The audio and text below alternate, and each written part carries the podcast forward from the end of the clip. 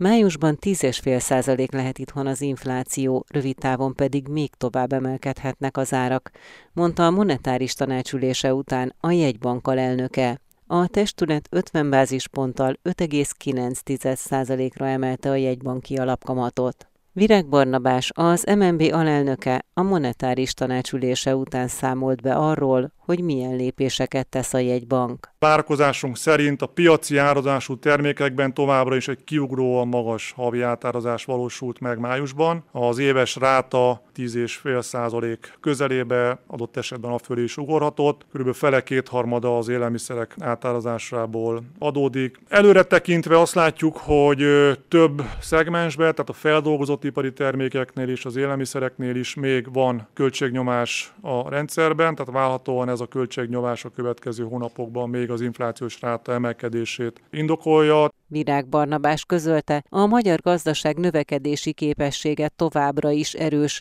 Az év egészében a hazai növekedés az európai rangsor élmezőnyében lehet. Az orosz-ukrán háború ugyanakkor nagyságrendileg nagyobb kockázat. Az MNB alelnöke áttérve a monetáris politika fontosabb üzeneteire azt mondta, az alapkamatemelési ciklus folytatása szükséges. Azt látjuk, hogy az elmúlt hónapok 100 bázispontos emelései elengedhetetlenek voltak az infláció elleni küzdelemben. Ugyanakkor az új szakaszban, ebben az újonnan kezdődő szakaszban a kulcs a Magyar Jegybank, és egyébként minden, minden jegybank számára az az, hogy az inflációs cél fenntartható elérését biztosító optimális kamatszintet alakítsa ki. Úgyhogy erre kerül a hangsúly a következő időszakban, bizonyosan ettől az optimális kamatszintől még távol vagyunk, úgyhogy az alapkamat emelési ciklus 50 bázis pontos lépés közzel folytatódik. Az alapkamat emelési ciklus fokozatos folytatása szükséges, miközben az egyhetes betéti ráta emelése változatlan ütemben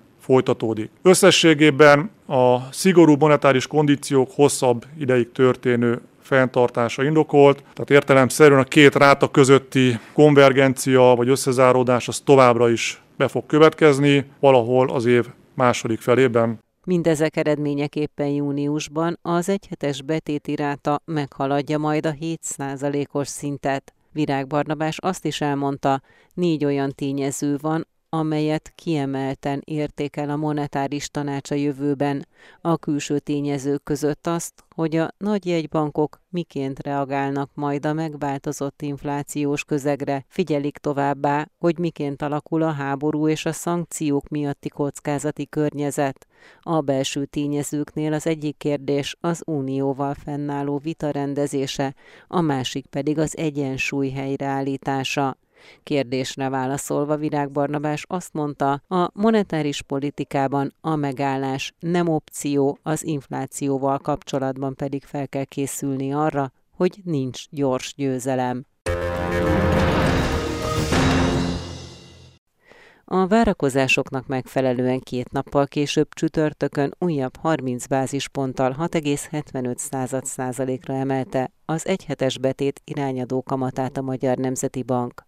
Ha a piaci körülmények nem indokolják, akkor legközelebb a jegybank június végén léphet, mondta az Inforádiónak a portfólió elemzője. Beke Károlyt kérdeztem. Nem okozott meglepetést a jegybank, hiszen már kedden Virág Barnabás említette, hogy az egyhetes irányadó kamat esetében marad az eddigi 30 bázispontos havi szigorítási tempó, és ennek megfelelően 30 bázisponttal az eddigi szint felett 6,75 százalékon hirdette meg az egyhetes betétet a jegybank. Amennyiben a piaci folyamatok nem indokolják, akkor június végéig nem számítunk további kamatemelésre. Ugye a jegybank folyamatosan azt hangsúlyozza, hogy rugalmas az egyhetes betéten keresztül, tehát amennyiben a pénzpiaci folyamatok úgy alakulnak, akkor bármikor tud menet közben is kamatot emelni. Valószínűleg, hogyha a forint nem gyengül tovább, és mondjuk marad a 400-as szint alatt, vagy csak átmenetileg érinti meg ismét a 400-as szintet, ahogy azt március elején láttuk, akkor nem lesz további kamatemelés,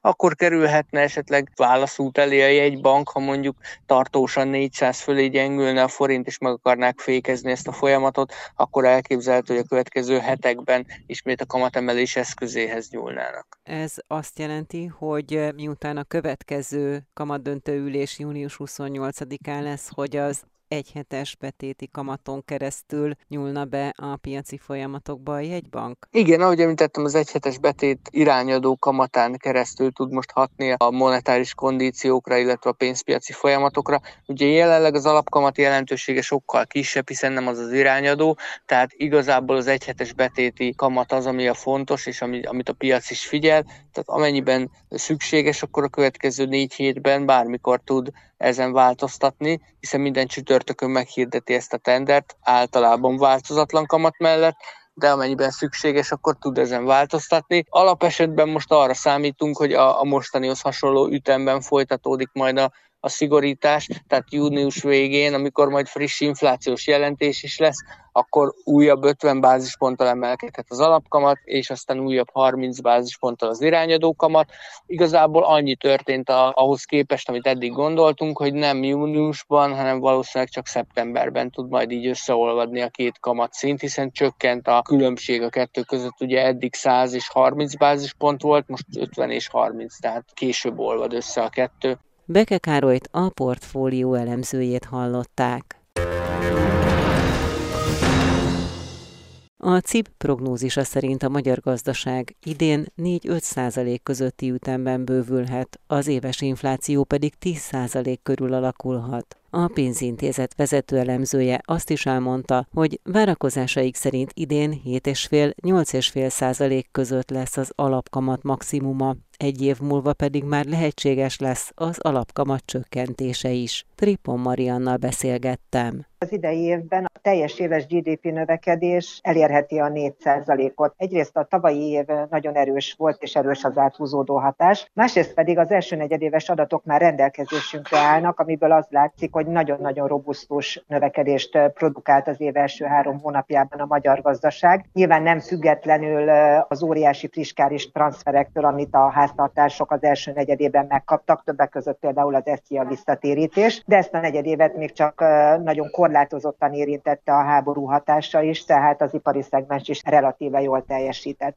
Az év további részében nyilvánvalóan elkerülhetetlen, hogy veszítsen a lendületéből a hazai gazdaság. Az a fogyasztási boom, ami az első negyedévet jellemezte, nyilvánvalóan lassulni fog, illetve az ipari szegmenst is minden irányból problémák sújtják, akár a háború, akár a kínai COVID miatti beszállítói lánc szakadozás, akár a más okokból megemelkedő beszerzési költségek, és nyilván nyilvánvalóan a csökkenő globális kereslet is, míg az építőipar esetében az állami beruházásoknak a felfüggesztése, a vállalati szektorban pedig a lakóingatlan piacon pedig az emelkedő hitelkamatok, szintén az építési költségek emelkedése okozhat lassulást és visszaestést. Mindent egybevetve azonban az nagyon erős első negyedévet követően egy lassuló második, harmadik negyedévvel kalkulálva is az év egészében 4% körüli növekedés reálisnak tűnik. Az infláció hogyan alakulhat. Ugye tegnap a jegybank alelnöke azt mondta, hogy már májusban két számjegyű lehet az infláció, az MNB májusra 10,5 százalékot vár. Maradhat-e ezen a magas szinten a pénzromlás, illetve hol tetőzhet? Az infláció azt gondolom, hogy az idejében a növekedésnél jóval nagyobb probléma a magyar gazdaságban, egyébként nem csak a magyar gazdaságban, hanem világszerte. Mi is arra számítottunk, hogy a nyári hónapokban még tovább emelkedik a fogyasztói árindex. Májusban már átlépheti a 10%-ot, és jelenlegi kalkulációink szerint az őszi hónapokig már kisebb mértékben ugyan, de fokozatosan feljebb kapaszkodik majd az éves fogyasztói árindex. Mi azt látjuk most, hogy 11% fölött fog tetőzni, tehát a legmagasabb havi érték, amit látunk az év során, az 11% fölött lesz. És ami még kevésbé jó hír az az, hogy a tetőzés követően lassú lesz az inflációnak a mérséklődése, tehát az év hátralévő részében kis esélye van annak, hogy 10 10% alatti inflációs mutatókat lássunk, ami azt is jelenti, hogy a 2022-es év átlagában 10% körüli lehet a pénzroblási ütem. Viszont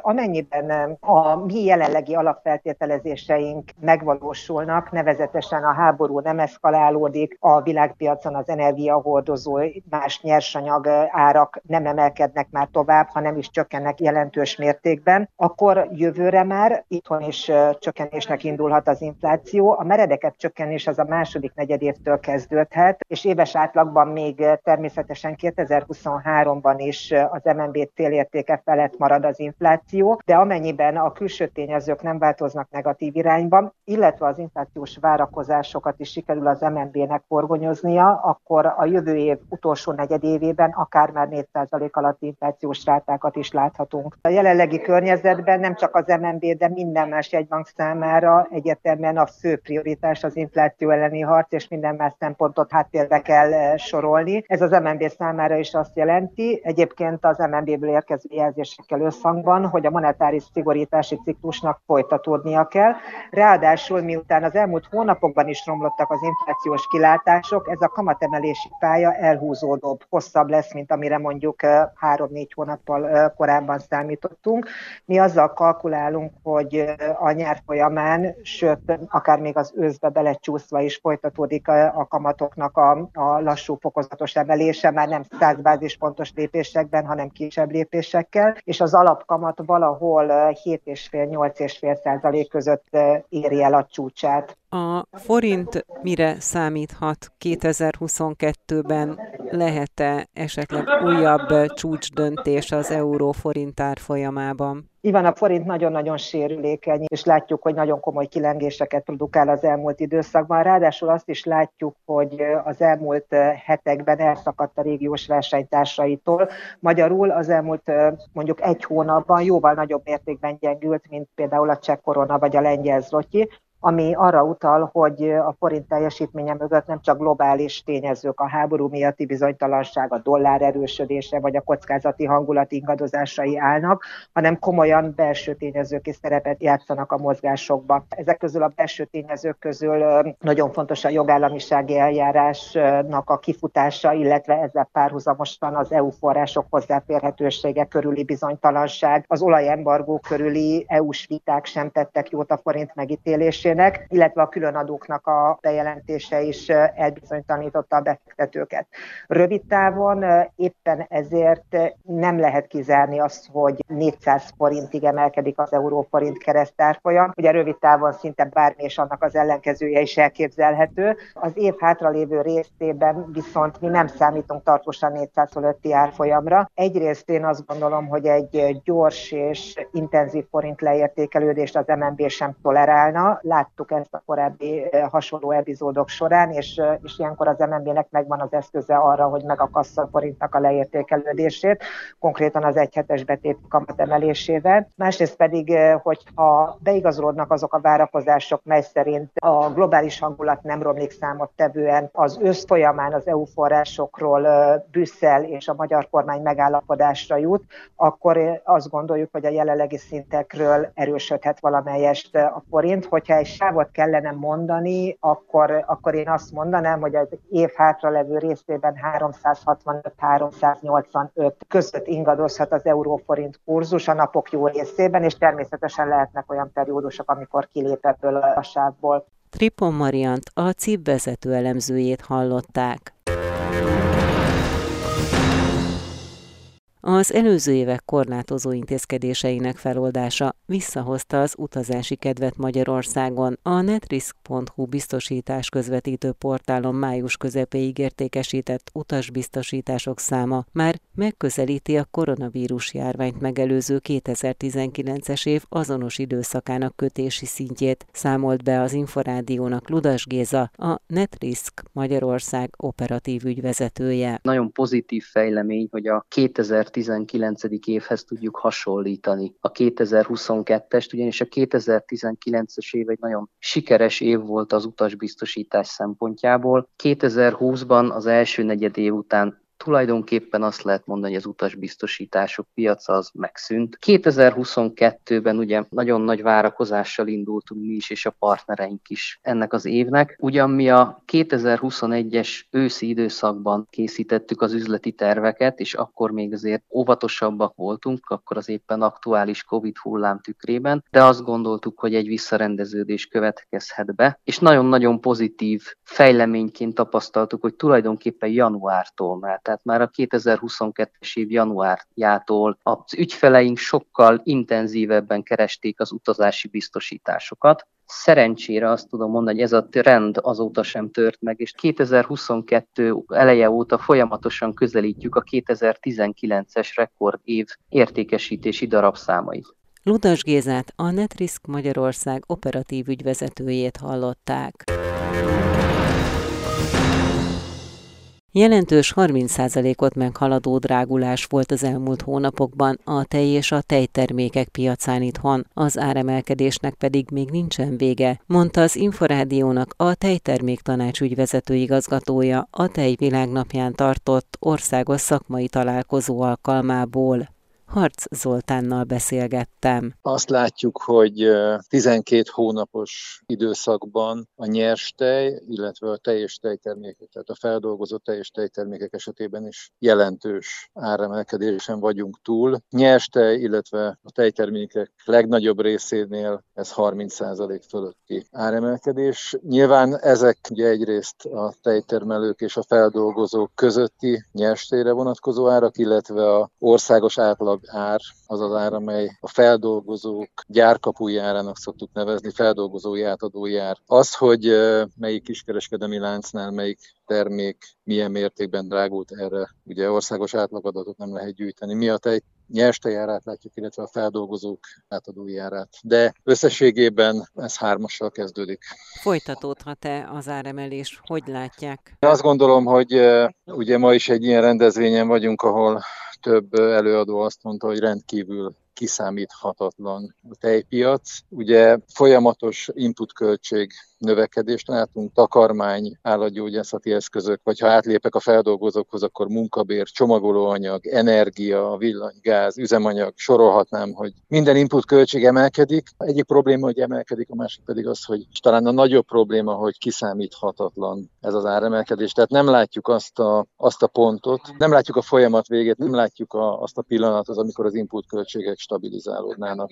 Azt gondolom, hogy ez is egy nagyon nagy probléma. Nyilván az áremelkedés mellett, hiszen ez nagyon kemény infláció, élelmiszerinfláció, és ezen belül, ahogy előbb, előbb említettem, minket is elért.